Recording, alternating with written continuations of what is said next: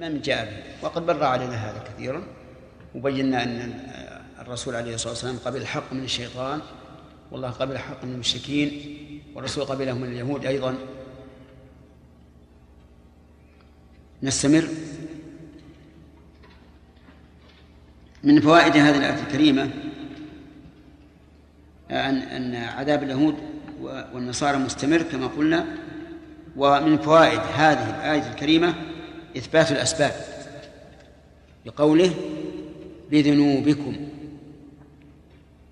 ومن فوائدها الاحتراز عما يوجب عما يوهم باطلا حيث قال لما يعذبكم بذنوبكم ولم يقل فلم يعذبكم لأنه لو قالها بدون قرنها بذنوبكم لأوهم أن الله تعالى يعذب بغير ذنب.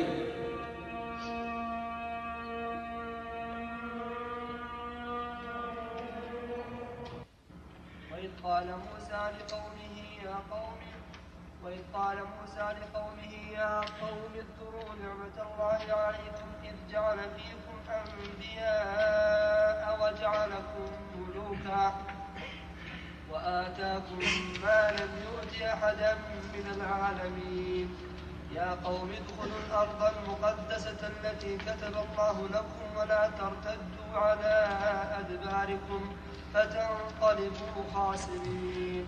أعوذ بالله من الشيطان الرجيم. قال الله تبارك وتعالى يا أهل الكتاب قد جاءكم رسولنا يبين لكم على فترة من الرسل. انتهى الكلام من الفوائد على الآية السابقة. ما انتهى طيب ومن فوائد هذه الآية الكريمة السابقة من قوله تعالى بل أنتم بشر ممن خلق بل هنا آه، فسرناها أنها للإضراب الإبطالي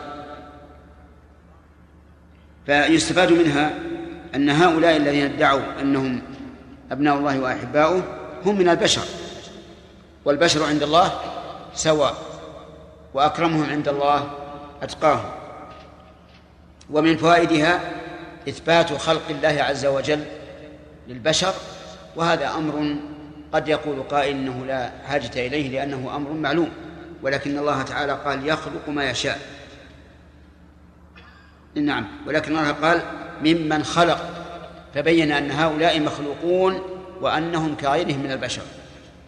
ومن فوائد هذه الآية الكريمة إثبات المغفرة والتعذيب. إثبات المغفرة والتعذيب من الله عز وجل لمن شاء. ولكن هل هذا مجرد مشيئة إن شاء غفر وإن شاء عذب أو لا بد من سبب؟ الجواب نعم. الثاني لا بد من سبب. وقد تبين لنا قاعدة مهمة أن كل فعل علقه الله بالمشيئة فإنه تابع للحكمة. إذ ليس لله مشيئة مجردة بل هي مقرونة بحكمته تبارك وتعالى.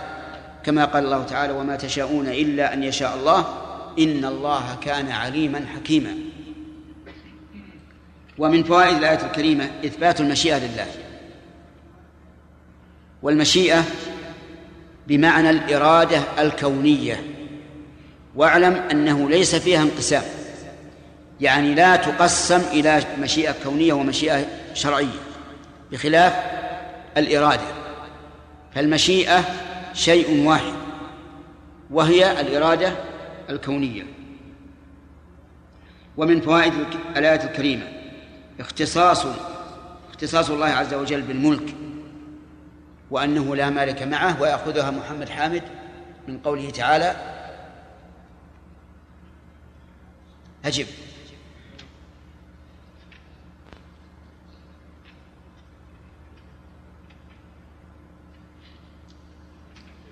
نعم. نعم. لله ملك السماوات. وجه وجه وجه ذلك الخبر. طيب صح. انفراد الله تعالى بالملك. فإن قال قائل إن الله أثبت لعباده ملكا كقوله أو ما ملكتم مفاتحه أو ما ملكت أيمانكم وما أشبه ذلك. قلنا لا لا لا سواء. بين الملكين فملك الله تعالى عام تام وملك الآدمي قاصر ناقص ولهذا لا يملك الإنسان أن يتلف ماله مع أنه ماله. لو أراد إنسان أن يحرق ماله قلنا ما يمكن. حجرنا عليه ومنعناه لأنه خلاف ما أمر الله به بل هو ما نهى الله عنه. ومن فوائد الآية الكريمة أن بين السماوات والأرض من المخلوقات العظيمة ما اقتضى أن يكون مقابلا ومعادلا للسماوات والأرض. يؤخذ منين؟ من قوله وما بينهم. ومن فوائد الآية الكريمة أن مرجع الخلائق إلى الله وحده لقوله تعالى وإليه المصير يعني المرجع. ثم قال تعالى يا أهل الكتاب قد جاءكم رسولنا يبين لكم على فترة من الرسل. في هذه الصفحة الواحدة ندى لأهل الكتاب مرتين. يا أهل الكتاب والمراد بهم اليهود والنصارى. قد جاءكم رسولنا وهو محمد صلى الله عليه وسلم يبين لكم يبين الجملة حالية حال من رسول يعني حال كونه يبين لكم أي يوضح ويفصل. ولم يذكر الله تبارك وتعالى المبين ليكون أعم لأن حذف المفعول يفيد العموم. وهذه قاعدة معروفة في اللغة العربية أن الحذف يفيد العموم. فهنا يبين لكم أي شيء يبين. نقول يبين كل ما يحتاج الناس ما يحتاج الناس إلى بيانه. ولهذا قال الله تعالى في القرآن الكريم ونزلنا عليك الكتاب تبيانا لكل شيء. وقول على فترة من الرسل يعني حال كون البيان على فترة من الرسل أي مدة من الزمن لم يأتي فيها رسول. هذه المدة ليس لنا كبير فائدة في معرفتها على التحديد لكن نعرف أنها مدة طويلة تقدر بنحو ستمائة سنة بين عيسى وبين محمد صلى الله عليه وسلم. لأن آخر آخر الأنبياء الذين بعثوا إلى الناس هو عيسى عليه الصلاة والسلام ومن بعده محمد صلى الله عليه وسلم. فليس بينهما نبي. ولهذا ما يذكر في بعض التواريخ أن خالد بن سنان وفلان وفلان أنهم أنبياء وأنهم بعثوا بعد عيسى فهذا كله ليس, بصحيح. لأن النبي صلى الله عليه وسلم قد أخبر بأنه ليس بينه وبين عيسى نبي. ويدل لذلك أن عيسى قال مبشرا برسول يأتي من بعدي اسمه أحمد. فلم يأتي أحد بعد عيسى إلا محمد رسول الله صلى الله عليه وعلى آله وسلم. على فترة من الرسول وإنما نص على هذه الفترة ليتبين أن الناس في أشد الحاجة إلى بعثة إلى بعثة, الرسول. وهذا هو الواقع. فإن الله تعالى نظر إلى أهل الأرض فمقتهم عربهم وعجمهم أي أبغضهم وكرههم لأنهم ليسوا على دين إلا بقايا من أهل الكتاب. بقايا قليلة كما قال تعالى فلولا كان من القرون من قبلكم أولو بقية ينهون عن الفساد في الأرض إيش؟ إلا قليلا ممن أنجينا منه بقي القليل وهذا القليل أيضا يحتاج إلى رسول فلهذا نص على الفترة وهي المدة الطويلة التي بلغت نحو ستمائة سنة ليتبين شدة حاجة الناس إلى إيش؟ إلى بعث الرسول صلى الله عليه وعلى آله وسلم. ثم قال أن تقول أي لئلا تقول فأن وما دخلت عليه هنا في في موقع التعليل.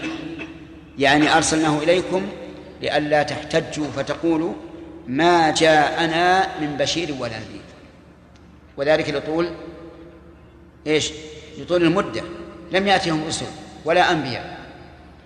فيحتجون. يقول ما جاءنا من بشير ولا نذير. وقوله ما جاءنا من بشير ولا نذير هذه من يعربها المعربون على أنها زائدة لفظا لكنها تزيد في المعنى. تزيد في المعنى التوكيد.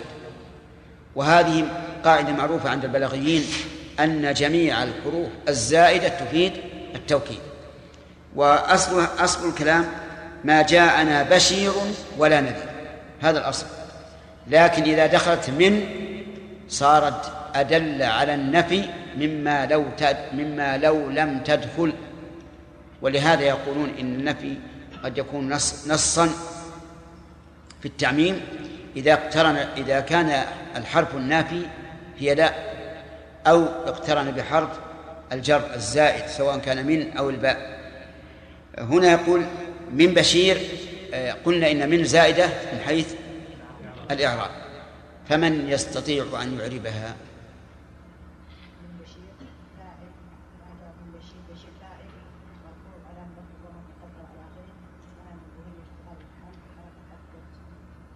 بشير فاعل مرفوع بضمة مقدرة على آخره. منع من ظهورها إيش؟ اشتغال المحل بحركة حرف الجر الزائد لأن حرف الجر أداة لفظية فلا بد أن يكون تأثيرها في اللفظ أكثر من تأثير المعنى. طيب آه، خارج. لو عطفنا على الفاعل المجرور بمن ما لم تدخل عليه من فماذا نصنع؟ يرفع بحركة ظاهرة. يرفع وجوبا. وجوبا. وجوبا. فيه وجهان. نعم.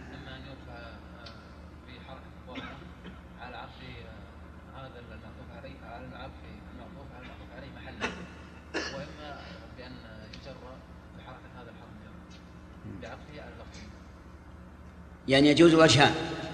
ف... نعم. فقوله تعالى ما لكم من إله غيره وغيره كلاهما صح. صحيح. والمعطوف على حرف الجر على المجرور بحرف الجر الزائد يجوز فيه اعتبار المحل واعتبار اللفظ.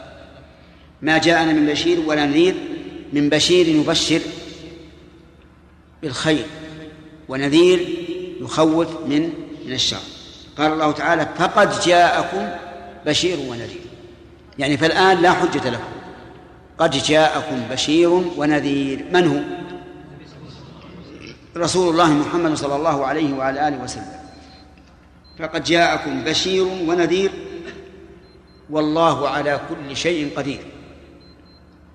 ختم هذه الآية بالقدرة إشارة إلى أنه تبارك وتعالى قادر على أن يبعث الرسل وعلى أن لا يبعث الرسل وأن الأمر كله بيده تبارك وتعالى. في هذه الآية فوائد. إلا إذا كان في أسئلة.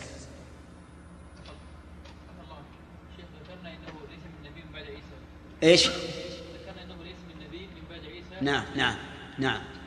بعض الانبياء توفوا بعد عيسى عليه السلام زي يحيى وزكريا يعني توفوا قبل رفع عيسى عليه السلام وأيضا شيخ توفوا إيش؟ قبل؟ توفوا بعد. بعد عيسى. نعم,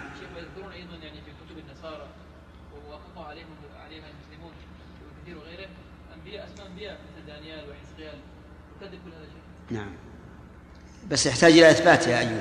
شيخ ابن كثير يعني يروي في بداية النهاية يثبت دانيال ابن كثير بينه وبين عيسى. أمم. يحتاج إلى إثبات. لأن الحديث صح عن النبي عليه الصلاة والسلام أنه ليس بينه وبينه نبي. ولا ولا ولا قول لأحد بعده. نعم. أليس يعني رسولا؟ ما ما الأصل عدم هذا نعم قوله تعالى وما بينهما أن ما بين السماوات والأرض خط عظيم. ولذلك جعل الله عز وجل قسيما للسماوات والأرض. فما ما مدى صحة أقوال أهل الهيئة؟ آه، في تلك المخلوقات التي بين يعني في ما يسمونه بالفضاء وتلك المسافات الهائلة التي لا يحصيها العقل. فهل هذا يعني يوافق عليه أو أنه مخالف لشرعنا؟ ما يذكره علماء الهيئة في هذا الأمر لا يصدق ولا يكذب مثل أنبياء مثل أقوال بني إسرائيل. لا تصدق ولا تكذب ولا يوافقون عليها. لأنها مسافات يعني كما قلت هائلة. يعني حتى أن بعضهم يقول لي إن النجوم التي نراها الليلة هذه نجوم البارحة. نعم. لم يصل إلينا نورها إلا إلا إلا بعد 24 ساعة. هذا معقول على كل حال هذه ما نصدقها ولا نكذبها لكن نعلم أن فيه مخلوقات وقد ذكرنا فيما سبق. الشيء اللي نعلم الرياح الغيوم الأمطار ال- ال- القمر النجوم. كل هذه بين السماء والأرض. نعم. تفضل.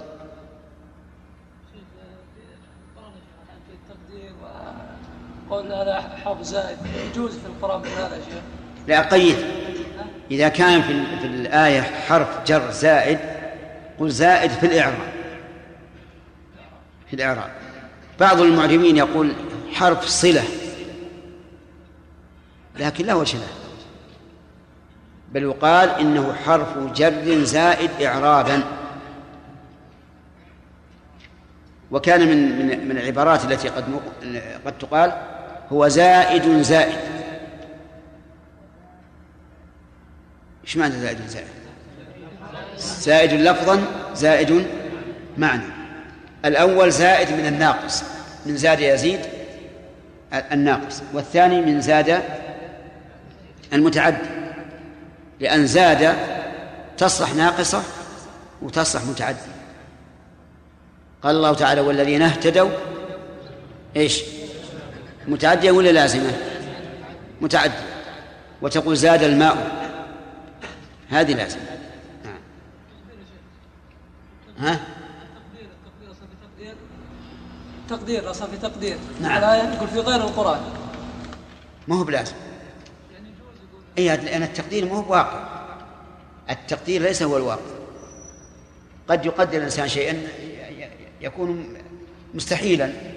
الله تعالى قدر شيئا مستحيلا. قال لو كان فيهما آلهة إلا الله لفسدت. وهذه مستحيل. لكن على التقدير. نعم النفي يكون نصا في العموم اذا كان النافي في آخر الكلام. لا النافي للجنس لا النافي للجنس هذا ها؟ اردت التحقق أنها النافي للجنس أو الأخرى. لا النافي للجنس فيه لا يسمونها نافية للوحدة هذه ما ما تدل على العموم نعم. أحسن الله إليك. قول ما بين السماء والأرض يشمل ما بين السماء الأولى إلى الأرض ما بين السماء من السماء السابعة إلى الأرض إيش؟ قوله وما بينهما. اي نعم يشمل ما بين السماء الأولى إلى الأرض هذا هو الظاهر ما بين السماء الدنيا إلى الأرض. نعم.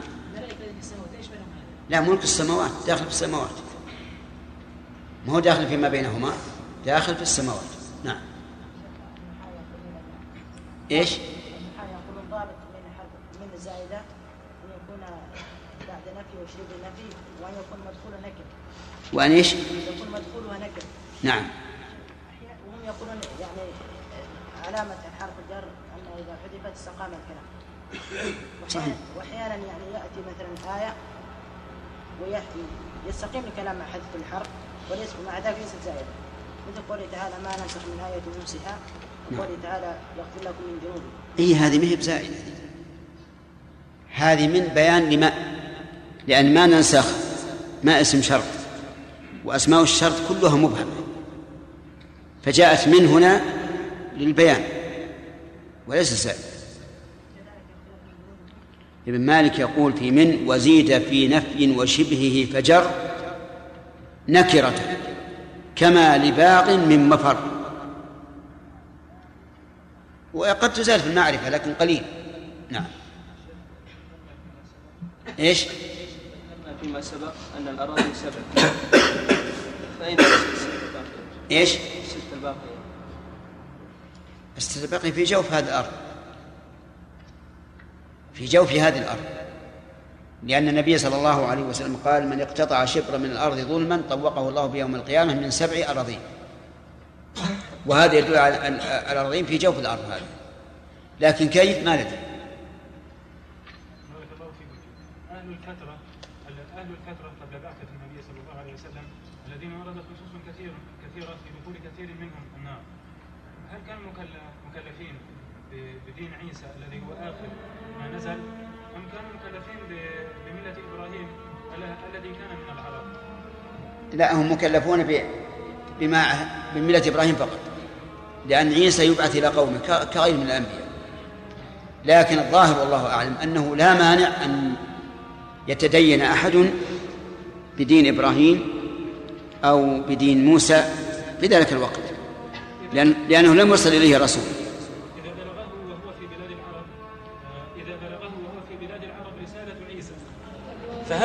يجب عليه أن يؤمن بها؟ لا. لا يجب. لا يجب.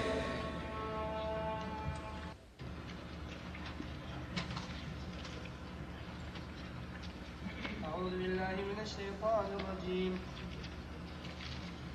وإذ وعدنا موسى أربعين ليلة ثم اتخذتم العجل من بعده وأنتم ظالمون.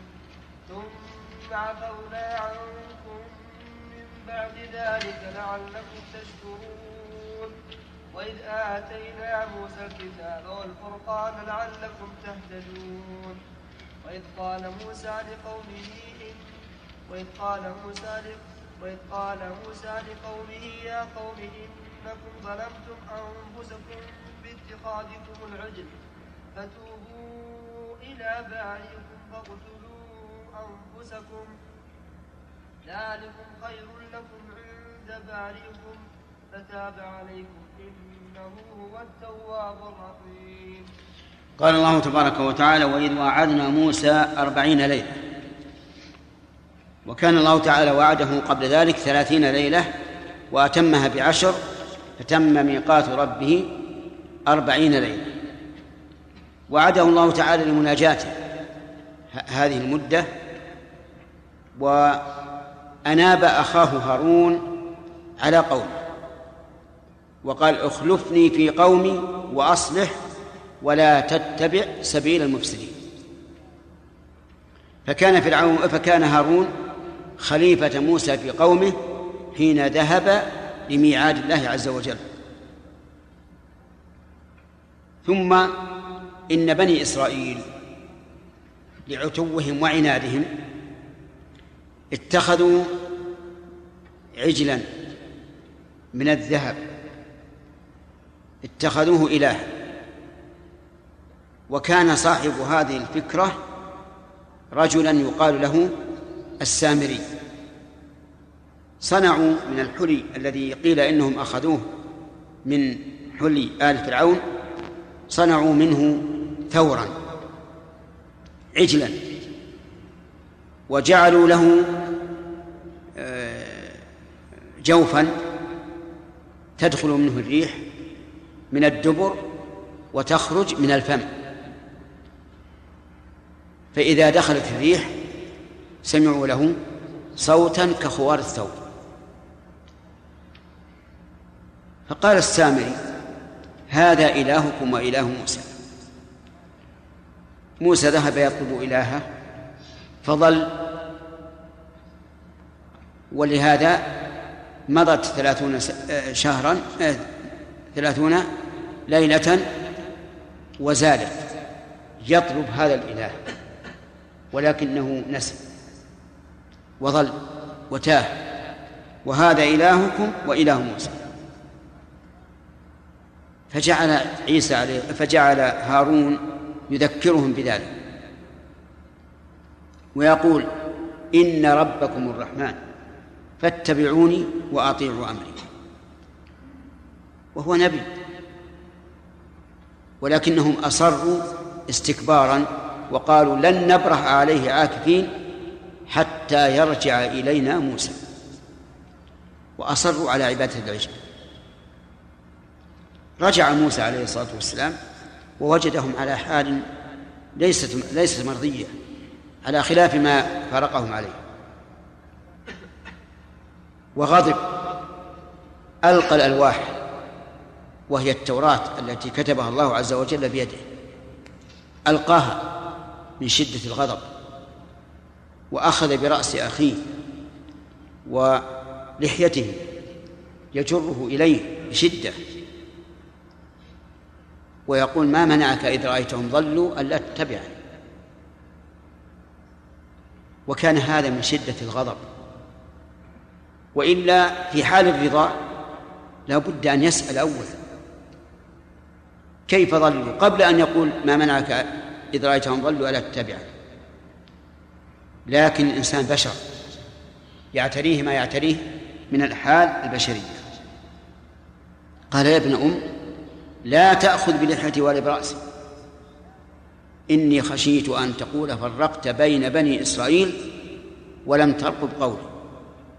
شوف هو خشي من موسى عليه الصلاة والسلام أن يقول فرقت بين بني إسرائيل لأنه لو قال أو زاد في في وعظهم لانقسموا قسمين. قسما يكون مع عيسى مع هارون وقسما آخر مع السامري. فكأنه عليه الصلاة والسلام ترك ذلك خوفا من هذا. ومع ذلك هم أيضا مصرون على ما هم عليه. اتخذوه إله حتى عبدوه والقصة مبسوطة في سورة طه. اتخذوه إلها ولهذا قال ثم اتخذتم العجل من بعده. العجل مفعول اتخذتم الأول والمفعول الثاني محذوف. والتقدير ثم اتخذتم العجل إلها. وقوله من بعده تفيد أنهم لم يتخذوه من أول وهلة. بل هناك مسافة وهي كما قلت لكم أنه لما مضت المدة التي حددها موسى عليه الصلاة والسلام ثم آه، زاد الله تعالى فيها قالوا هذا الإله ولكنه نسي. وقوله وأنتم ظالمون الواو هنا للحال. حال من فاعل اتخذتم. يعني والحال أنكم ظالمون. ليس لكم عذر. وكيف يكون لهم العذر؟ ونبيهم هارون يقول يا قوم إنما فتنتم به وإن ربكم الرحمن فاتبعوني وأطيعوا أمري. وبعد هذا الفعلة القبيحة الشنيعة قال الله عز وجل ثم عفونا عنكم من بعد ذلك. وانظر إلى قوله وأنتم ظالمون. هل هم ظالمون لأنفسهم أو ظالمون لغيرهم؟ ظالمون لأنفسهم. فإن كل عاص ظالم لنفسه. فإن تعدت مضرة معصيته إلى غيره صار ظالما لنفسه ولغيره. ثم عفونا عنكم أي تجاوزنا عن هذا الفعل ورفعنا عنكم العقوبة. لعلكم تشكرون أي لأجل أن تشكروا ولعل هنا للتعليل. وكما أسلفنا من قبل ترد لعل لعدة معاني. منها التعليل وهي كثير وذلك كثير في القرآن الكريم. ومنها الرجاء ومنها التمني. ومنها الإشفاق والخوف. ومنها التوقع. وكل هذا يعرف بالسياق. وقوله لعلكم تشكرون الشكر هو العمل الصالح. هكذا جاء في القرآن. دليله قول النبي صلى الله عليه وسلم إن الله أمر المؤمنين بما أمر به المرسلين. فقال تعالى يا أيها الرسل كلوا من الطيبات واعملوا صالحا. وقال في المؤمنين كلوا من طيبات ما رزقناكم واشكروا لله. وهذا يدل على أن الشكر هو العمل الصالح وهو كذلك لا شك فيه. واعلم أن الشكر لا يكون إلا في مقابلة إحسان. بخلاف الحمد. الحمد يكون لكمال المحمود ولإفضال المحمود. فسببه أعم من الشكر. ولكن الشكر أعم من الحمد من حيث تعلقه بالقلب واللسان والجوارح. كما قال القائل أفادتكم النعماء مني ثلاثة يدي بعد ولساني والضمير المحجبة في هاتين الآيتين فوائد. منها بيان عيوب بني إسرائيل. وذلك أنهم اتخذوا العجل إلها حين غاب نبيهم. ومن فوائدها إثبات كلام الله عز وجل. لقوله وإذ واعدنا موسى ثلاثين ليلة. والوعد يكون بين المتواعدين في الغالب بالقول. ثم إن هذا الميعاد اللي حصل كلمه الله عز وجل. حتى إن موسى عليه الصلاة والسلام من شدة شفقته على رؤية الله قال رب أرني أنظر إليك.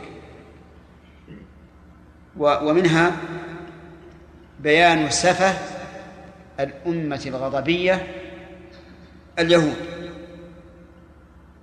حين اتخذوا العجل إلها والعجيب أنهم هم الذين صنعوا العجل بأيديهم.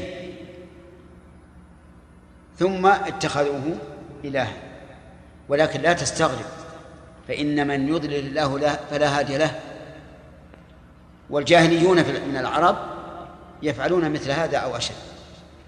يقال إنهم يصنعون من التمر إلها.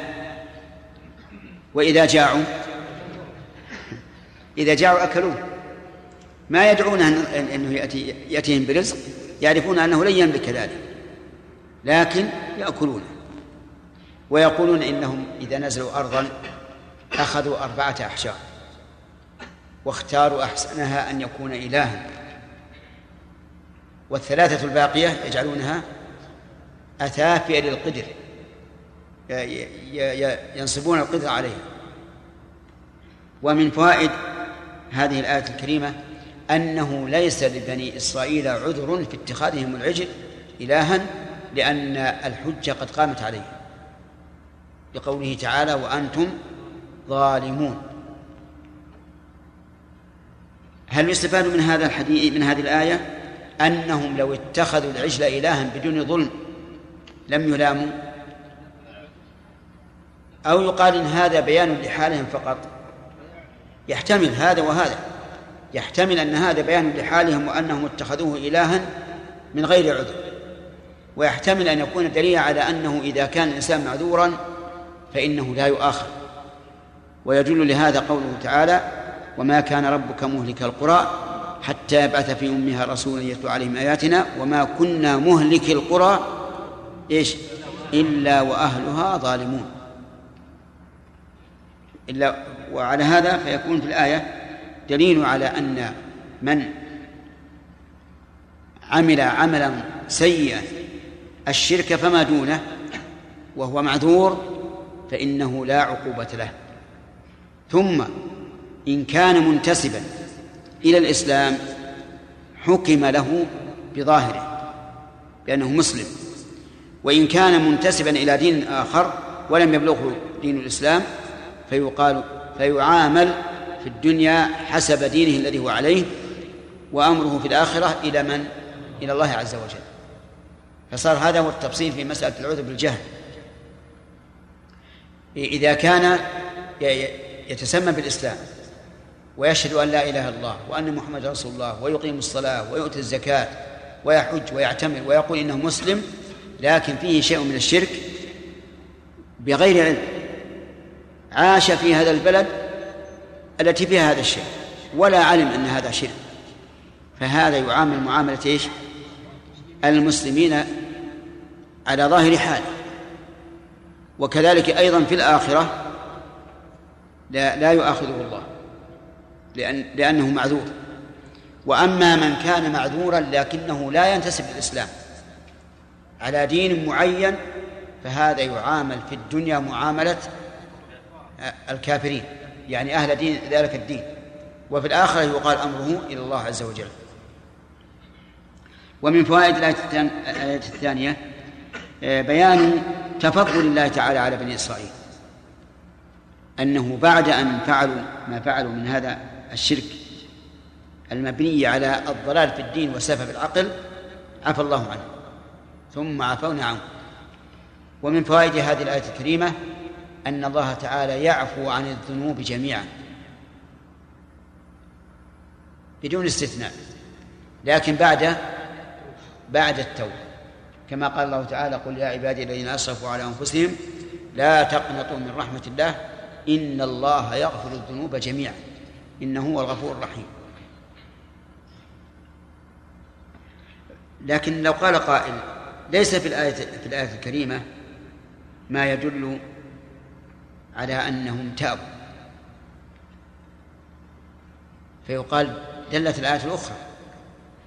على أنهم تابوا إلى الله عز وجل. وأنابوا إلى الله. وأنه أخذتهم ظلة. وأمروا أن يقتل بعضهم بعضا. فلما علم الله منهم صدق الرجوع إليه وأنهم امتثلوا حتى القتل عفى الله عنه. ومن فوائد هذه الآية الكريمة أن من أنعم الله عليه نعمة دينية وجب عليه شكرها كالنعمة الدنيوية. لقوله ثم عفونا عنكم من بعد ذلك لعلكم تشكرون. وأيهما أعظم منة؟ الدينية لا شك أنها أعظم منة. فإذا من الله عليك بنعمة دينية فاعتبرها من أكبر النعم وقم بشكرها. وشكر النعم الدينية من جنسها. فمثل من من الله عليه بعلم فإن من شكر نعمة الله عليه أن أن يعلم وينشر علمه وكذلك من من الله عليه بمال فإنه من شكر نعمة الله عليه أن بهذا المال أن يتصدق منه وينفع الفقراء ويصل الرحم ويبر الوالدين. ومن فوائد هذه الآية الكريمة إثبات العلل لأفعال الله. من أين تؤخذ؟ من قوله لعلكم تشكرون. ولا شك عندنا في هذا أن جميع أفعال الله وأحكام الله كلها مبنية على علل ومصالح لكن منها ما يعلم ومنها ما لا يعلم. وأما من قال إنه إن أفعال الله تعالى وأحكامه ليست مبنية على حكمة ولا ولا تعلل بعلة فلا شك أنه ضال في دينه سفيه في في عقله. ثم قال عز وجل مبينا نعمة أخرى من أكبر النعم وإذ آتينا موسى الكتاب والفرقان. آتينا موسى أي أعطيناه. وآتينا بالمد تنصب مفعولين. بخلاف أتينا فإنها لا تنصب إلا مفعولا واحدا. لأن آتى بالمد بمعنى أعطى وأتى بمعنى جاء. نعم. يقول آتينا موسى الكتاب أعطيناه. وألف الكتاب للعهد. أي العهود؟ الذهني. يعني الكتاب المعروف عندكم وهو التوراة. وسمي كتابا لأنه مكتوب. فقد كتب الله التوراة بيده جل وعلا. والفرقان الواو حرف عطف والفرقان معطوف على الكتاب. وهل هو غيره؟ أو هو ولكنه من باب عطف الصفة على الموصوف. الجواب الثاني فالفرقان هو نفس الكتاب. فإن التوراة فرقان فرق الله بها بين الحق والباطل وبين العدل والجور وبين أولياء الله وأعداء الله إلى آخر ما يكون به التمييز والفرق. فعلى هذا يكون عطفها من باب عطف. إيش؟ الصفة على الموصول. أرأيت قول الله تبارك وتعالى سبح اسم ربك الأعلى الذي خلق فسوى والذي قدر فهدى. والذي قدر فهدى هو الله عز وجل. لكن هذا من باب عطف الصفة على الصفة. يقول جل وعلا والفرقان لعلكم تهتدون لعل هذه للتعليل كما سبق وتهتدون أي تسلكون مسلك الهداية. والمراد بالهداية هنا التي ذكرها الله عز وجل هداية الإرشاد وهداية التوفيق. وذلك لأن ما أوتيه موسى علم فما اهتدى به فقد علم. وكذلك علم يثمر عملا لمن وفق. فنفسر الهداية هنا بإيش؟ بهداية العلم وهداية التوفيق العلمية والعملية. في الآية الكريمة دليل على فوائد. أولا أن موسى نبي بل رسول لأن الله آتاه الكتاب. وكل من آتاه الله الكتاب فهو رسول. كما قال تعالى لقد أرسلنا رسلنا بالبينات وأنزلنا معهم الكتاب والميزان. ومنها الثناء على التوراة حيث سماها الله تعالى فرقانا. ومنها الحكمة في إيتاء الكتاب والفرقان لموسى وهو الهداية.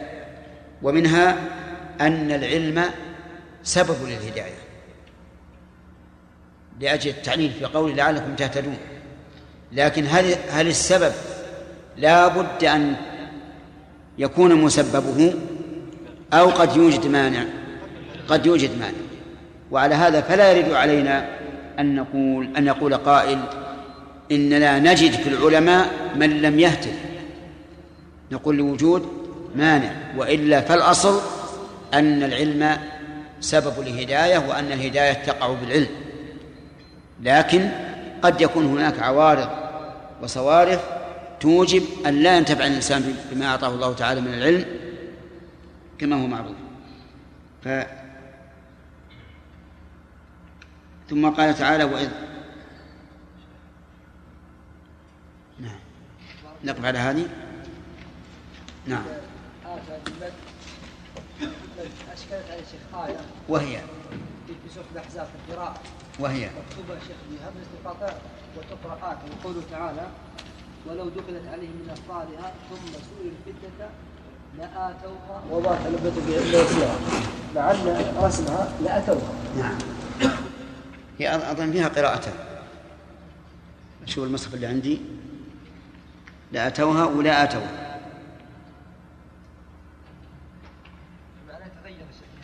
ما في شك يتغير لكن كل وا- كل واحد له وجه.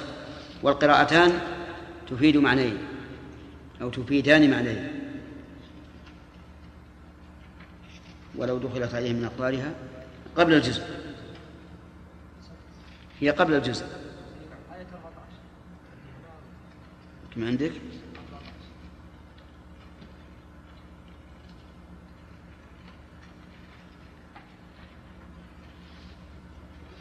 نعم هذه. لأتوها فيها قراءة. لا أتوها ولا أتوها. أما أما لأتوها واضح. ثم سئلوا الفتنة يعني دعاهم أحد إلى الفتنة لأجابوا واضح؟ أو لآتوها أي لأجابوا وأعطوا فتنة أخرى. ما هي أعطوا الفتنة التي دعوا إليها؟ ويكون في الآية فائدتان. أولا استجابتهم لل- للفتنة والثاني زيادتهم الناس لا لا لآتوا نعم. كيف؟ ما نسي. آه. نعم. إذا كان متقدمة فيه لآتوا في متقدمة عندكم؟ ها؟ المصحف عندنا هكذا متقدم على اي واللي عندك فوق ال- ال- الألف؟ لا. ليست فوقها ها؟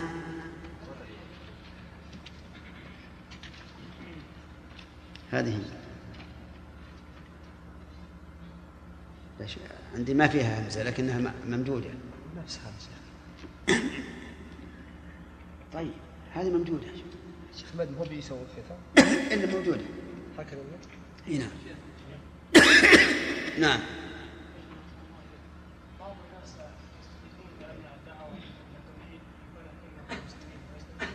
إيش إيش بعض الناس؟ نعم.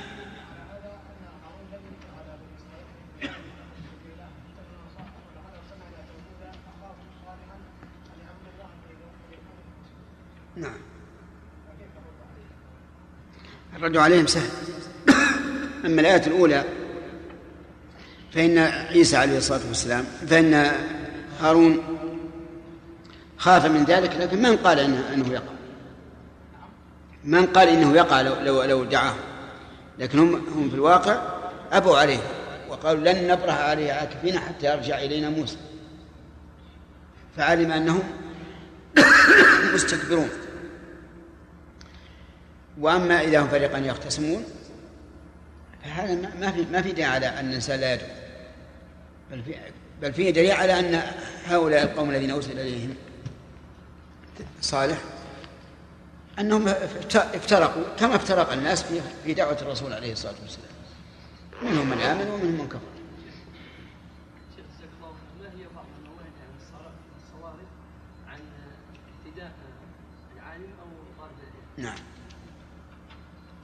أن يكون في قلبه إرادة سيئة مثل أن يريد بعلمه غير الله عز وجل. فهذا ربما يحرم بركة العلم. وهذا من من من أشد ما يكون. والشيء الثاني المعاصي. المعاصي يجر بعضها بعضا.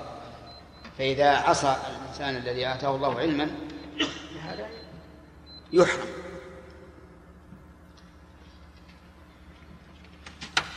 السلام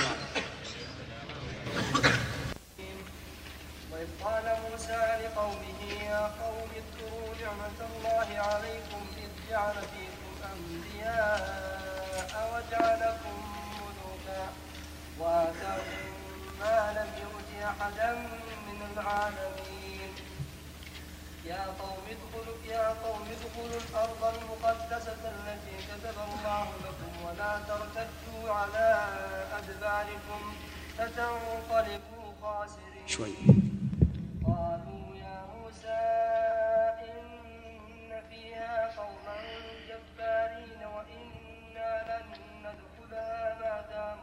فيها وإنا ندخلها أبدا ما داموا فيها. وإنا. وإنا لن ندخلها. وإنا لن ندخل. قالوا يا موسى إن فيها قوما جبارين وإنا لن ندخلها حتى يخرجوا منها. فإن يخرجوا منها فإنا داخلون.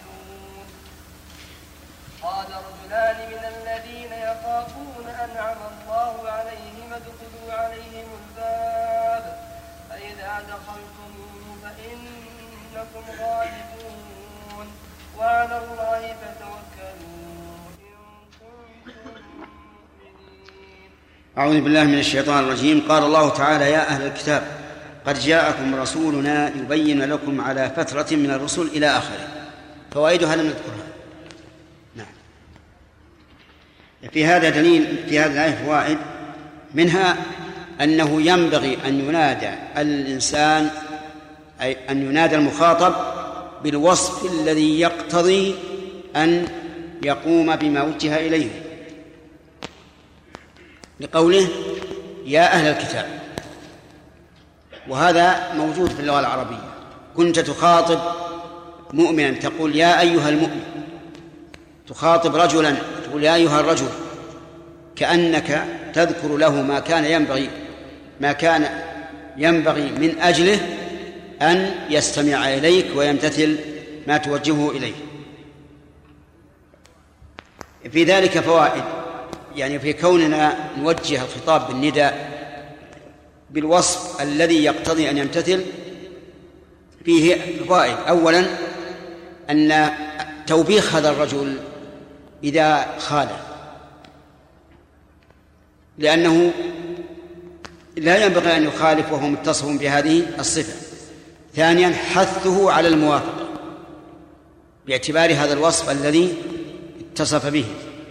ولهذا نجد أن الرسول صلى الله عليه وسلم يقول دائما لا يحل لامرئ يؤمن بالله واليوم الآخر. لا يحل لامرأة تؤمن بالله واليوم الآخر. ومن الفوائد أيضا إقامة اللوم عليهم من الآخرين. من فوائد هذه الآية الكريمة أن محمد رسول الله مرسل إلى أهل الكتاب اليهود والنصارى لقوله قد جاءكم رسولنا يعني إليكم.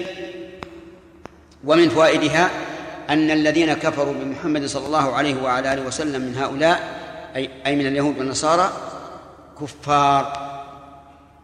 لأنهم كفروا بالرسول الذي أرسل إليه.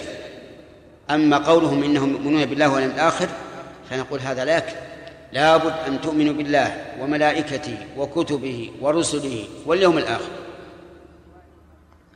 ومن فوائد هذه هذه الآية الكريمة الثناء على رسول الله صلى الله عليه وعلى آله وسلم بكونه مرسلا من عند الله بقوله رسولنا ومن فوائدها إقامة الحجة على الأمة حيث إن هذا رسول الله فهو حجة عليه الصلاة والسلام بمجرد أن شهد الله أنه رسوله كان ذلك حجة وقد قال الله تعالى لكن الله يشهد بما أنزل إليك أنزله بعلمه والملائكة يشهدون.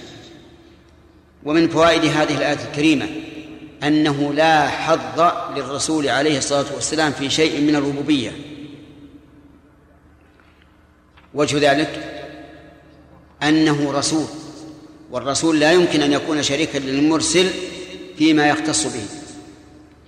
ومن فوائد هذه الآية الكريمة أن النبي صلى الله عليه وسلم مبين للخلق وأنه ليس في فيما جاء به شيء من الغموض والإلغاز لقوله يبين لكم. ومن فوائدها الرد على أولئك المفوضة في أسماء الله وصفاته الذين يقولون إننا لا نعلم شيئا من معاني أسماء الله وصفاته وأن وظيفتنا أن نقرأ ولا نفسر. وهذا القول من أعظم الأقوال وأشدها فسادا. حتى إن شيخ الإسلام ابن تيمية رحمه الله قال إنه من شر أقوال أهل البدع والإلحاد. ومن المؤسف أن كثيرا من الناس بل حتى من العلماء من يظن أن هذا هو مذهب السلف ويقولون إن مذهب السلف التفويض وهم في الحقيقة لم يعرفوا مذهب السلف. مذهب السلف التفويض في الكيفية لأن العقل يعجز عن إدراكها والشرع لم يرد بها. وأما المعنى فإنهم يؤمنون به ويثبتونه ويقررونه ويفصلون فيه ما يحتاج إلى تفصيل. وهذا أمر معلوم من كتبهم ومن فوائد هذه الآية الكريمة أن الرسول عليه الصلاة والسلام كما أنه مبين للعرب فهو مبين لبني إسرائيل لأهل الكتاب. فإن قال قائل كيف يبين لهم ولغته تخالف لغتهم؟ فإن لغة اليهود حتى الذين في المدينة في عهد الرسول مخالفة للغة العربية. نقول عن طريق الترجمة عن طريق الترجمة. ولهذا لم ينتشر الإسلام في البلاد الأعجمية إلا إلا بواسطة الترجمة. ومن فوائدها من فوائد الآية الكريمة أنه إذا احتجنا إلى معرفة اللغات الأجنبية لبيان الشريعة كان ذلك من صفات النبي صلى الله عليه وسلم. أنه يبين للناس بأي وسيلة. أفهمتم؟ وعلى هذا فمن تعلم اللغة غير العربية من أجل الدعوة إلى الله كان مثابا على ذلك. لأنها وسيلة لأي شيء لتبين الشريعة ونشرها. ومن فوائد هذه الآية الكريمة أن رسالة النبي صلى الله عليه وسلم كانت على فترة من الرسل ليس بينه وبين عيسى رسول لقوله على فترة من الرسل. ومن فوائدها أنه كلما طال زمن الرسالة صار الناس أشد حاجة إلى إيش؟ إلى الرسول. ولهذا جعل الله ذلك منة عظمى على أهل الكتاب حيث جاءهم على فترة وتعرفون أن أن هذا يكون أيضا في الواقع المحسوس. فالإنسان الذي يشرب الماء على عطش أشد شوقا إلى الماء وحاجة من إنسان يشربه على ري. واضح؟ طيب. ومن فوائد هذه الآية الكريمة إثبات الرسالات السابقة للرسول عليه الصلاة والسلام لقوله على فترة من الرسل والظاهر لي أن هذا يشير إلى أن الرسول صلى الله عليه وسلم هو آخر الأنبياء لقوله من الرسل يعني وليس بعده رسول وهذا هو الذي صرح الله به في كتابه في قوله ولكن رسول الله وخاتم النبيين. وتأمل قوله وخاتم النبيين ولم يقل وخاتم المرسلين مع أنه قال رسول الله. لأنه قد يكون الإنسان نبيا ولا يكون رسولا. ومحمد رسول الله صلوات الله وسلامه عليه خاتم الأنبياء. ومن فوائد هذه الآية الكريمة رحمة الله تعالى بالخلق حيث أرسل الرسل لئلا تقوم الحجة على الله. تؤخذ من قول أخ. الجنبك أحمد اليسار. ها. أين ذهبت؟ نعم. جسما. وقلبا. نعم أحمد. أي نعم. أن تقولوا ما جاءنا من بشير ونذير. نعم. وفي هذا دليل على أن من لم تبلغه الرسالة فإنه معذور. وهو ظاهر من قولها أن تقولوا ما جاءنا من بشير ولا نذير ومن فوائد هذه الآية الكريمة أنه لا حجة للإنسان بالقدر على مخالفة الرسل. تؤخذ يا حامد محمد حامد. من أين تؤخذ؟ أنه لا حجة بالقدر على مخالفة الرسل قال الله تعالى تقول ما جاءنا بشير من و... إيه، وجه الدلالة؟ لهم أي لو كان لهم حق لم يرتفع بإرسال الرسل. واضح؟ طيب وهو كذلك. ومن فوائد هذه الآية الكريمة أن الرسالات منحصرة في شيئين. لا ثالث لهما وهي البشارة والإنذار. لأن الناس ينقسمون بالنسبة للرسالات إلى قسمين. مطيع فله البشارة عاصي فله الإنذار. ومن فوائد هذه الآية الكريمة آه، قوة حجة هؤلاء لو لم يبعث لو لم يبعث الله إليهم رسول لقوله من بشير لأن من بشير هذه للتوكيد. يعني كأنهم يؤكدون أنه لم يأتهم آه، بشير ولا نذير. ومن فوائد هذه الآية الكريمة تأكيد الكلام التأكيد المعنوي. وليس ولست أقصد تأكيد النحويين. النحويون يقولون إن التوكيد نوعان توكيد معنوي وتوكيد لفظي. فما كان بتكرار اللفظ فهو لفظي وما كان بالأدوات المعروفة فهو معنوي. لكن لا أريد هذا. أريد أن المعنى قد يؤكد بجملة كاملة وهو قوله فقد جاءكم بشير ونذير. ومن فوائدها أيضا أنه متى احتيج إلى التوكيد فلا عيب في التكرار. متى احتيج إلى التوكيد فلا عيب في التكرار. ولهذا كان من آداب الخطبة أن الإنسان يكرر في المواضع الهامة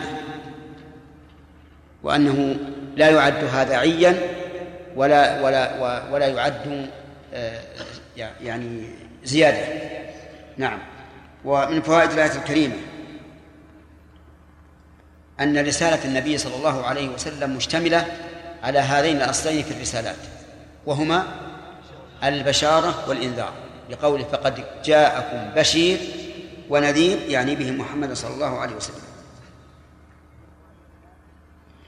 ومن فوائدها إثبات قدرة الله عز وجل. لقوله والله على كل شيء قدير. ومنها أنه لا يستثنى من قدرة الله تعالى شيء. كل شيء فالله قدير عليه. ولا يستثنى أي شيء. وأما قول بعضهم كصاحب الجلالين خص العقل ذاته فليس عليها بقادر فهذا خطأ.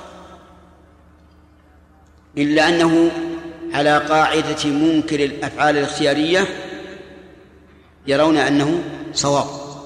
يعني في ناس من من, من هذه الأمة يقول إن الله عز وجل لا تقوم به الأفعال الاختيارية. ما يقدر. يعني مثلا النزول إلى السماء الدنيا ممنوع عندهم. الاستواء على العرش ممنوع. الضحك ممنوع. الإتيان يوم القيامة ممنوع. كل الأفعال الاختيارية التي يفعلها باختيار بمشيئته يعني فإنه إيش؟ ممنوع. كل الأفعال التي يفعلها بمشيئته واختياره يرون أنه ممنوع. لماذا ممنوع؟ قال لأنه مستحيل. والمستحيل على اسمه لا تتعلق به القدرة. كالجمع بين النقيضين. فيقال لهم هذا غلط. بل من الأشياء ما لا يمكن أن يتصف الله بها. كالنوم مثلا. هذا مستحيل أن الله ينام. واضح؟ مستحيل أن ينام مستحيل أن يأكل ويشرب. فلو قال قائل هل هل الله يقدر أن يأكل أو يشرب أو ينام؟ قلنا هذا كلام لا يرد إطلاقا لأنه مستحيل. لكن هل يستطيع أن أن ينزل إلى السماء الدنيا ويأتي للفصل بين العباد ويستوى على العرش ويضحك ويعجب؟ ممكن. يعني هذا لا ينافي كماله بخلاف النوم والأكل والشرب فهذا ينافي كماله. ومن فوائد هذه هذه الآية ختم نعم. ومن فوائدها أنه ينبغي أن يختم الكلام بما يناسب المقام. أن يختم الكلام بما يناسب المقام. وجهه أن مخالفة أهل الكتاب للرسول عليه الصلاة والسلام تعني أنهم معرضون للعقوبة. والله غير عاجز عن عقوبتهم لكمال قدرته ثم قال الله تعالى وإذ قال موسى لقومه يا قوم اذكروا نعمة الله عليكم. إذ هذه ظرف. أن نبدأ عن الدرس الجديد الآن ولا لا؟ وإذ قال موسى إذ هذه ظرف. ومن القواعد المقررة عند النحويين أن كل ظرف أو جار ومجرور فلا بد أن يكون له متعلق لأنه لا يقع إلا معمولا أو معمولا فيه. إن كان ظرفا فهو معمول فيه وإن كان مفعولا جار ومجرور فإنه في محل المفعول به فيكون معمولا فيه. إذا لا بد لكل جار ومجرور أو ظرف لا بد له من متعلق. هذا المتعلق هو العامل في الواقع. ولهذا قال ناظم الجمل لا بد للجار من التعلق بفعل أو معناه نحو مرتقي. لا بد للجار من التعلق بفعل أو معناه نحو مرتقي. والثالثة لا بد للجار من التعلق بفعل أو معناه نحو مرتقي. نعم. نعم. آه، وجه ذلك أن نقول إنه لا بد منه لأن الظرف مفعول فيه فلا بد من فعل يقع فيه والجار المجرور في محل المفعول به. في فيقول هنا فيقول وإذ قال موسى إذ هذه ظرف تحتاج إلى عامل أرى أن جميع المعربين إلا من لا نطلع على إعرابهم في القرآن الكريم كلما جاءت إذ غالبا يقدرون لها اذكر إذ قال. وهنا هل نقول إن متعلق إذ اذكر؟ فيكون هنا آه، الخطاب موجها إلى الرسول صلى الله عليه وسلم. أو أن المراد اذكروا أي يا أهل الكتاب. نقول يحتمل هذا وهذا فإن كان الثاني فمعناها أن الله سبحانه وتعالى بنفسه يذكرهم وإن كان الأول فمعناها أنه أمر رسوله أن يذكرهم. ومؤدى المعنيين واحد. اذكروا إذ قال موسى لقومه وهم بنو إسرائيل يا قوم اذكروا نعمة الله عليكم. قوله يا قوم. ناداهم مناداة البعيد. قال أهل البلاغة وهذا يدل على إعراضهم وصدودهم وعلى بلاهتهم. وعلى بلاهتهم. و ولا شك أن بني إسرائيل من أشد الناس عتوا حتى على نبيهم موسى عليه الصلاة والسلام. فلذلك قال يا قوم اذكروا نعمة الله عليكم.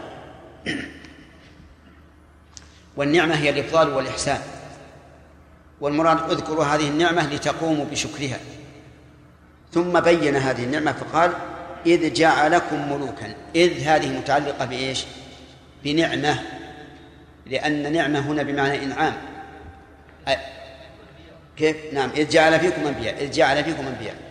هذه إذ متعلقة بنعمة لأنها بمعنى إنعام أي اذكروا إنعام الله عليكم إذ جعل فيكم أنبياء.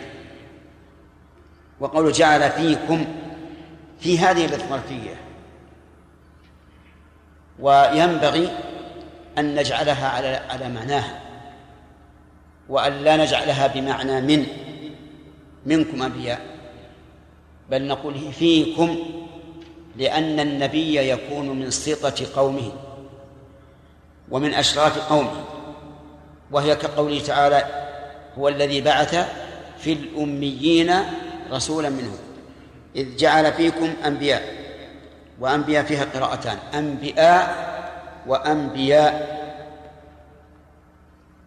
وكلاهما قراءة صحيحة لأنهما سبعيتان. وهل المراد هنا بالأنبياء الرسل أو الأنبياء الذين دون الرسل. نعم يحتمل هذا وهذا لأن فيهم رسلا وفيهم أنبياء بلا رسالة. أنبياء وجعلكم ملوكا أي صيركم ملوكا. وتأمل الفرق بين الأنبياء والملوك. الأنبياء قال فيكم أنبياء. الملوك قال جعلكم ملوكا. فهل معنى العبارة الثانية كالأولى ولكنه جعل الملك عاما لأن أي واحد منهم يمكن أن يكون ملكا بخلاف النبوة فإنها من عند الله. ولهذا قال فيكم أنبياء ولم يقل جعلكم أنبياء. أو يقال جعلكم ملوكا والملوكية هنا اعتبارية. أي باعتبار كونكم خدما أذلاء لآل فرعون. أصبحتم الآن أحرارا تملكون أنفسكم ولا أحد يقيدكم بما تريدون. الجواب يحتمل هذا وهذا. يحتمل أن المعنى جعلكم ملوكا أي جعل فيكم الملوك. ولكنه في النبوة قال فيكم أنبياء. لأنه ليس كل أحد يستطيع أن يكون نبيا بخلاف الملك فإنه ربما يكون أي واحد ملكا. أو أن المعنى أو, أو أن المراد بالملكية هنا أن الملكية النسبية يعني باعتبار أنكم كنتم آه، أذلاء وخدما لبني إسرائيل أصبحتم الآن مالكين لأنفسكم. آل, آل فرعون نعم أنا نسيت. لآل فرعون. كونكم أذلة لآل فرعون أصبحتم الآن مالكين لأنفسكم. ولا, ولا شك أن هذا وهذا حصل. وآتاكم ما لم يؤت أحدا من العالمين. آتاكم بمعنى أعطاكم. والفرق بين أتاكم وآتاكم أن أتاكم بمعنى جاءكم وآتاكم بمعنى أعطاكم. ولهذا تنصب آتاكم تنصب مفعولين لكن ليس أصلهما المبتدأ والخبر. فالمفعول الأول في هذه في هذه الآية الكاف والثاني ما يعني الذي لم يؤت أحدا من العالمين. وقول لم يؤت أصلها لم يؤته لكن حذف إيش؟ العائد الذي يعود على اسم الموصول. والأصل ما لم يؤته أحدا من العالمين وعلى هذا فتكون أحدا مفعولا ثانيا ولا أولا؟ ثانيا نعم. أحدا من العالمين أي من العالمين الذين سبقوكم. بل والذين والذين في في وقتكم. وهنا تأمل أنه أنه لم يقل عليه الصلاة والسلام ما لن يؤتي ما لن بل قال ما لم الفرق إيش؟ أن أن وآتاكم ما لم يؤتي أحد من العالمين. لم يقل موسى ما لن يؤتي بل قال ما لم يؤتي وبينهما فرق. لو قال ما لم يؤتي صارت صار بنو إسرائيل أو صار قوم موسى أفضل الناس إلى يوم القيامة ولن يعطى أحد مثله. لكن إذا كان ما لم يؤتي يعني في الماضي. نعم وهو كذلك. لأنه لأن الله تعالى آتى هذه الأمة والحمد لله ما لم يؤت بني إسرائيل ولا غيره. وآتاكم ما لم يؤت أحد من العالمين ثم قال يا قوم ادخلوا الأرض المقدسة التي كتب الله لكم. نستمر ولا في أسئلة؟ نستمر. طيب. يا قوم ادخلوا الأرض المقدسة. الظاهر ناخذ الفوائد قبل. نعم؟ اي بس يقول ما في أسئلة. ها؟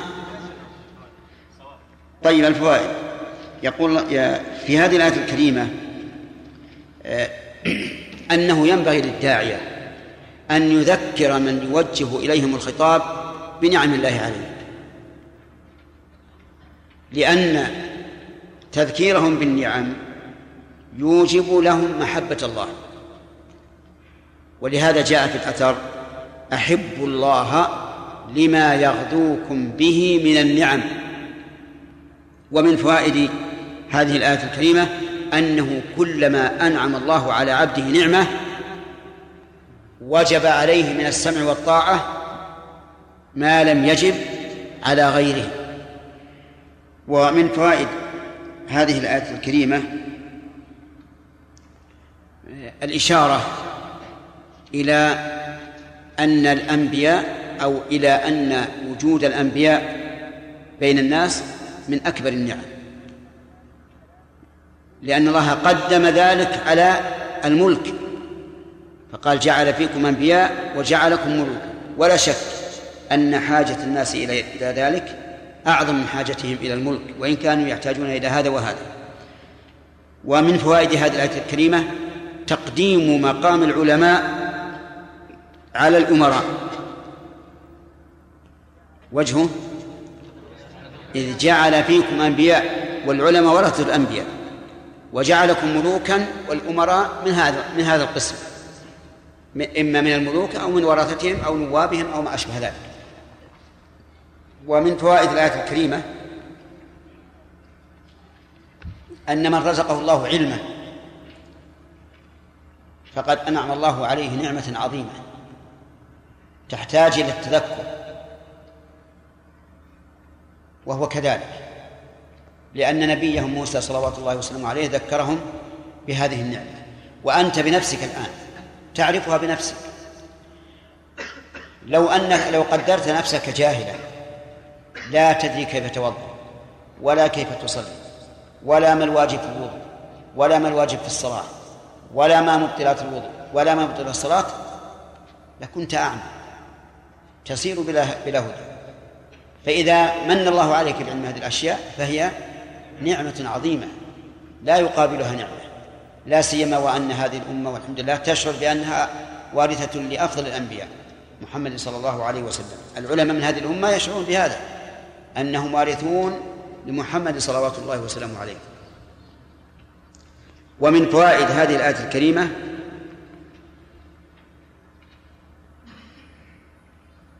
نذكرها هل توافقون؟ أن فك الحجر عن المحجور عليه من نعمة الله. ممكن؟ ها؟ أين؟ على المعنى الثاني. أن أن فك الحجر عن الإنسان من نعم الله عليه لأنه يأخذ شيئا من الحرية. وأنتم تعرفون الحجر أظن فيما سبق في في الفقه. طيب. ومن فوائد هذه الآية الكريمة أنه ينبغي للإنسان أن يذكر تذكيرا خاصا بما أنعم الله به على الشخص نعمة خاصة. وذلك لقوله آتاكم ما لم يؤت أحدا من العالمين. لو قال قائل هذا يؤدي إلى أن يعجب المخاطب بنفسه ويقول أنا من أنا. قلنا إذا خيف هذا الشيء منع. ولكل مقام مقال. أما إذا كان ذكر هذا الشيء يستلزم أن يقوم بأمر الله فليذكر ولا يضر. أفهمتم هذا؟ ولذلك كان الناس يوم القيامة يتوسلون إلى آدم ونوح وإبراهيم وموسى وعيسى بإيش؟ بما خصهم الله به من المناقب والكرامات.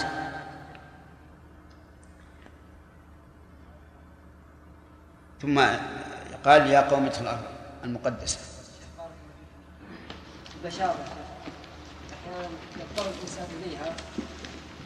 في الناس نعم. ربما استمر على هذا أيام؟ يعني مرات. قد يكون في المجلس أو في المسجد وناس يقرأ عليهم المنكرات مثلا قال أبشروا أنتم على خير وجب هذه الصلاة يعني سبت الأجر. ومن أجل التأليف هل في هذا شيء؟ يعني شيء من هو الواقع لكل مكان مقال لكل مقام مقال. قد يكون من الحكمة أن لا تنفر الناس بذكر التخويف والوعيد وقد يكون بالعكس. فمثلا إذا كنت تخاطب شخصا معين منغمسا في في الآثام. فهنا ربما يكون جانب التخويف أفضل. لكن مع التخويف كله يا أخي باب التوبة مفتوح. واذكر قول الله تعالى والذين لا يدعون مع الله إلها آخر حيث ذكر أمهات, العظائم. ومع ذلك قال إلا من تاب. لكل مقام مقال ما يمكن أنك تذكر شيء معين. سليم.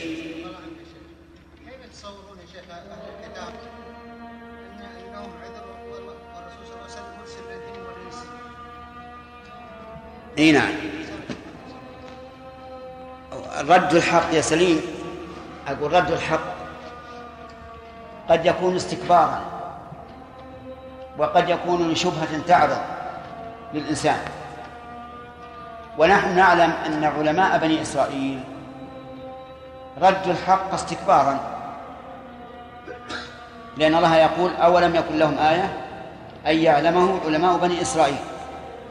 لكن عوام بني إسرائيل لهم شبهة. منها أن علماءهم يقولون إن إن محمد عربي والله يقول هو الذي بعث في الأميين رسولا منهم. ثم لا يذكرون لهم قوله وآخرين منهم لما يلحقون. فيشبهون. الله أكبر الله أكبر. كتب الله لكم ولا ترتدوا على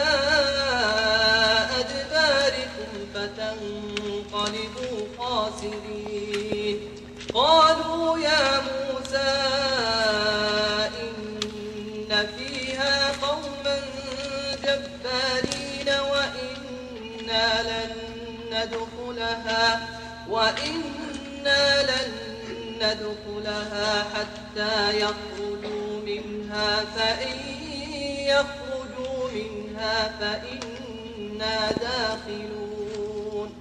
قال رجلان من الذين يخافون أنعم الله عليهم ادخلوا عليهم الباب فإذا دخلتموه فإنكم غالبون. وعلى الله فتوكلوا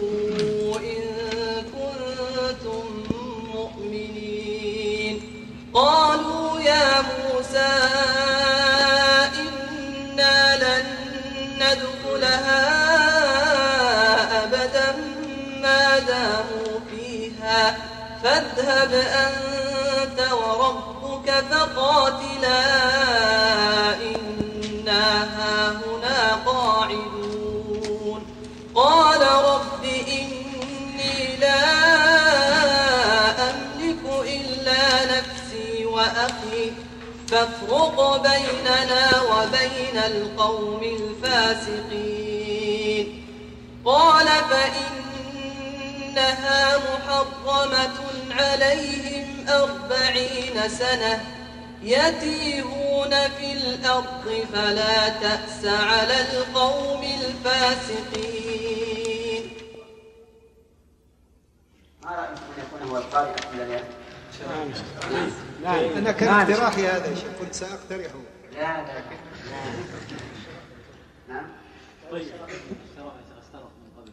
لا يغير لا ولا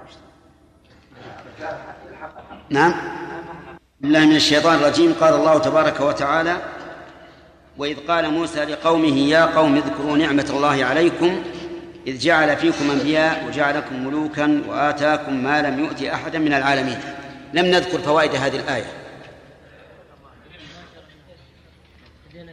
فسرناها ولا لا؟ ما تم تفسيرها؟ نعم كيف يا أخي؟ فوائد ينبغي للإنسان أن يذكر أن يذكر المخاطب بما اختص به من النعم إذا كان يستلزم أن يكون بأمر الله إلا أن يكون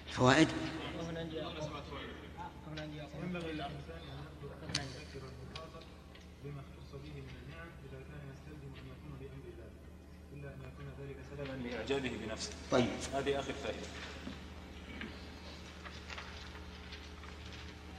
يعني تمت الفوائد على مسؤوليتكم طيب. قال الله تعالى يا قوم عن موسى عليه الصلاة والسلام يا قوم ادخلوا الأرض المقدسة. والندى هنا يا قوم يتضمن شيئين. الشيء الأول أنه أن فيه شيئا من استبلاههم وأنهم لن يتفطنوا ولن يستمعوا إلى الخطاب إلا إذا ورد بالنداء وبلفظ القومية. والثاني أيضا أنه قال يا قوم استعطافا لهم. لأنه فرق بين أن يكون المخاطب من قومك أو من غير أو من غير قومك. ادخل الأرض المقدسة التي كتب الله لكم. كلمة ادخل الأرض. لم يقل قاتل حتى تدخل. قال ادخل الأرض. ثم قول الذي التي كتب الله لكم أيضا فيها بشارة بأنهم سوف يغلبون. ففي هذه الجملتين ففي هاتين الجملتين بشرتان الأولى ادخل الأرض.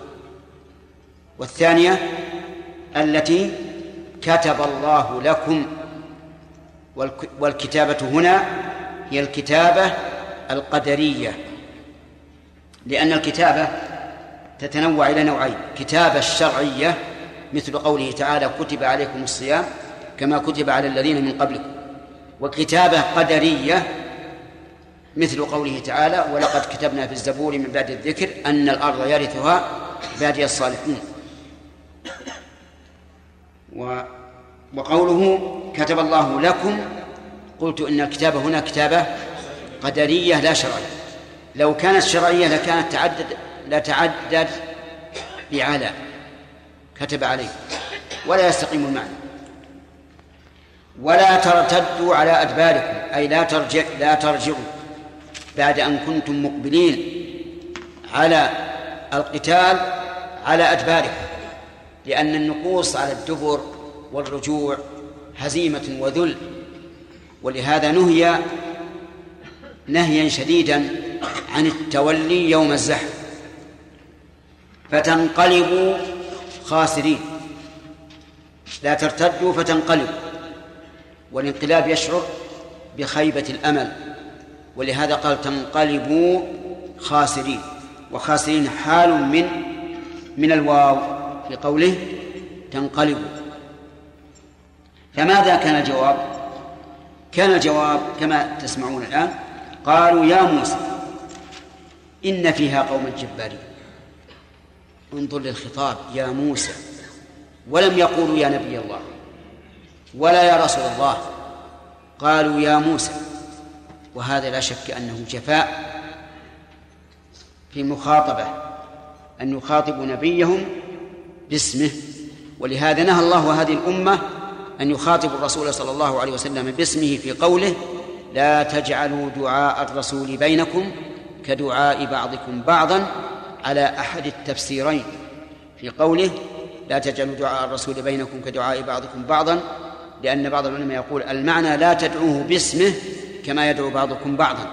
وإن كان الآية تشمل هذا المعنى وتشمل المعنى الثاني وهو أنه إذا دعاكم لا تجعلوا دعاءه كدعاء بعضكم بعضا. إن شئتم أجبتم وإن شئتم لم تجيبوا بل يجب عليكم أن أتموا أن تجيبوا. قال الله تعالى يا أيها الذين آمنوا استجيبوا لله والرسول إذا دعاكم لما يحييكم. هنا قالوا يا موسى إن إن فيها قوما جبارين. فذكروا علة تدل على جبنهم وخورهم وضعف عزيمتهم بل عدم عزيمتهم. إن فيها قوما جبارين. والجبار هو العاتي الكبير الجسم الطويل مأخوذ من قولهم في اللغة العربية نخلة جبارة. والنخلة الجبارة هي النخلة القوية العالية. وإلى الآن هذا المعنى موجود. يقال فلان والله عنده بستان جبار جبار النخل جبار نخله يعني قويا عاليا. لا يتناوله الإنسان لا لا يتناول الإنسان ثمره بيده. إذا جبارين عتاة الأخلاق أقوياء الأجسام. هذا معنى يعني يدور على هذا المعنى. عتاة الأخلاق. والثاني؟ نعم. أقوياء الأجساد لا نستطيع أن نقاتلهم. وإنا لن ندخلها. أبدا وإنا لن ندخلها حتى يخرجوا منها. سبحان الله. هذا قول صبيان. لن ندخلها حتى يخرجوا منها. من يقاتلون إذا لم يكن فيها أحد؟ نعم. لا شيء. لا شيء. وهذا مما يدل على سفاهة بني إسرائيل. لن يدخل حتى يخرج منها. وأيضا أكدوا هذا المعنى بقولهم فإن يخرجوا منها فإنا داخل. وتأمل قولهم إن يخرجوا. لم يقولوا فإذا خرجوا. كأنهم يستبعدون خروجهم. لأن إن الشرطية تتميز عن إذا بأن إن يكون فعل الشرط فيها حاصلا وغير حاصل بل قد يكون من الأشياء المستحيلة. لكن إذا تدل على وقوع الشرط لكن المؤقت حصول الشرط. انتبه. أنت إذا قلت إن قام زيد قمت. تجد الفرق بينها وبين قولك إذا قام زيد قمت. أليس كذلك؟ إذا قام يعني معناه سيقوم لكن لا أقوم إلا إذا قام. فهو شرط للتوقيت توقيت القيام. لكن إن إن قام زيد قمت شرط لحصول القيام. وقد يحصل وقد لا يحصل وقد يكون من المستحيل أن يحصل كما في قول الله تعالى قل إن كان للرحمن ولد فأنا أول العابدين. هذا في حق الله في حق الرسول لئن أشركت ليحبطن عملك. وكلا الأمرين ممتنع ممتنعان غاية الامتناع. للأول وهو أن يكون للرحمن ولد وللثاني وهو أن يشرك رسول الله صلى الله عليه وسلم الداعي إلى الإخلاص والتوحيد. طيب إذن هم يقولون فإن يخرجوا منها فإنا داخلون يعني كأنهم مستبعدين غاية الاستبعاد أن يخرجوا منها. ولذلك ابتلوا بالتيه كما سيأتي إن شاء الله وهو الضياع وعدم الاهتداء إلى إلى هذا المكان. نعم. وتأمل أيضا آه، قولهم فإن يخرجوا منها فإنا داخلون. يعني يؤكدون دخولهم إذا خرج هؤلاء. وإذا خرج هؤلاء هل يحتاج إلى أن يؤكد الدخول؟ ما يحتاج. لكن سبحان الله إذا تأمل حال هذه الأمة الغضبية وجد أنهم في غاية السفاهة في العقول كما أنهم في غاية الضلال في الدين. ومن رأى مزيد بيان في هذا في هذا الأمر فليرجع إلى كتاب ابن القيم رحمه الله إغاثة اللهفان. فإنه تكلم عن خصائص الملل بما لا مزيد عليه. قال رجلان. قال رجلان من الذين يخافون أنعم الله عليهما ادخل عليهم الباب. أولا نسأل عن آه، تركيب هذه الآية الكريمة. قال رجلان من الذين يخافون أنعم الله عليهما. رجلان معروف أنها نكرة. أو معرفة. تأمل. قال رجلان. نعم. بالإجماع؟ ما في مخالف؟ نعم. رجلان نكرة.